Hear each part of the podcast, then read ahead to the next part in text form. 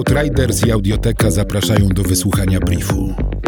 Cotygodniowego przeglądu ważnych informacji ze świata.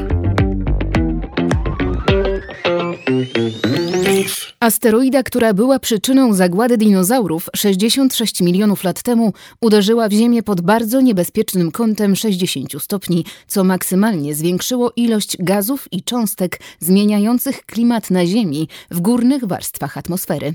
Spowodowało to tak zwaną zimę nuklearną, która zabiła dinozaury i 75% życia na Ziemi.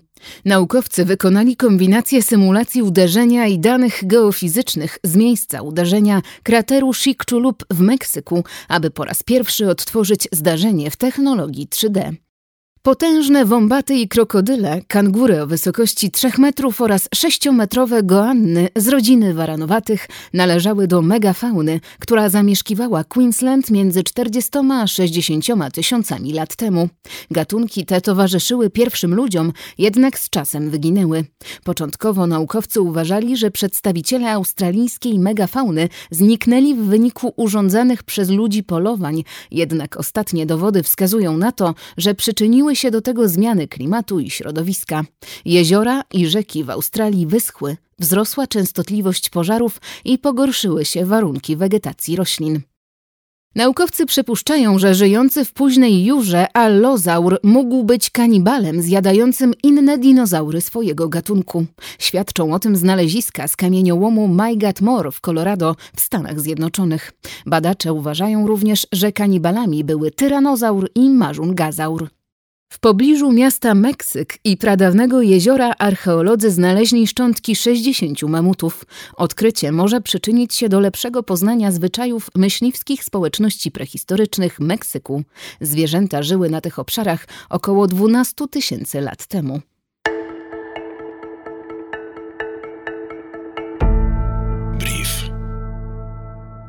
Żołnierze Korei Północnej i Południowej naruszyli zawieszenie broni w strefie zdemilitaryzowanej między tymi państwami podczas wymiany ognia 3 maja 2020 roku, twierdzą pracownicy Organizacji Narodów Zjednoczonych. To pierwszy taki przypadek od dwóch lat. Koreańska strefa zdemilitaryzowana powstała po wojnie koreańskiej z lat 1950-53. Jest de facto granicą państwową między Koreą Północną a Koreą Południową. Indie i Chiny oskarżają się o wywoływanie starć na granicy mającej ponad 3,5 tysiąca kilometrów. Indyjska armia twierdzi, że w pierwszym tygodniu maja bieżącego roku doszło do bujek w rejonie jeziora Bangong-so i przejścia granicznego Natula w stanie Sikkim.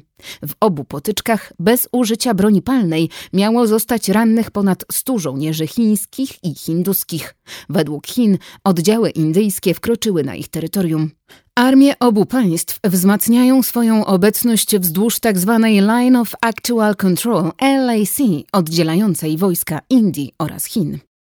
Droga do przełęczy Lipu-Lek jest kwestią sporną między Indiami a Nepalem, którego władze twierdzą, że 17 kilometrów trasy przebiega przez terytorium nepalskie w Himalajach. Rząd premiera Nepalu Kadgy Prasada Sarme Oliego przygotował nową mapę kraju, która sporne terytoria Kalapani, Lipulek i Limpiadura pokazuje w granicach Nepalu, co pogłębiło nieporozumienia z Indiami. Natomiast wydana przez rząd indyjski w listopadzie 2019 roku mapa traktuje Kalapani jako terytorium należące do Indii. Sedno sporu leży w różnych interpretacjach kartograficznych dotyczących górnego biegu rzeki Shah Szarda. Inna nazwa rzeki to Kali, tłumaczy Akhilesh Upadai z Institute for Integrated Development Studies IIDS w Katmandu. Przy granicy Sudanu z Etiopią doszło do ataku przeprowadzonego prawdopodobnie przez etiopskich rebeliantów, w wyniku którego zginął sudański oficer, a siedmiu żołnierzy zostało rannych. Do agresji doszło w obozie w miejscowości Al-Kadarif. Sudan i Etiopia prowadzą rozmowy na temat wytyczenia granicy między tymi państwami. Według generała Amera Mohameda Al-Hassana, rzecznika armii Sudanu, najnowsze ataki przeprowadzane na terytorium Sudanu przez armię etiopską i grupy zbrojne zbrojne naruszają wcześniejsze porozumienia między władzami państw i grożą wybuchem wojny. Brief Outriders.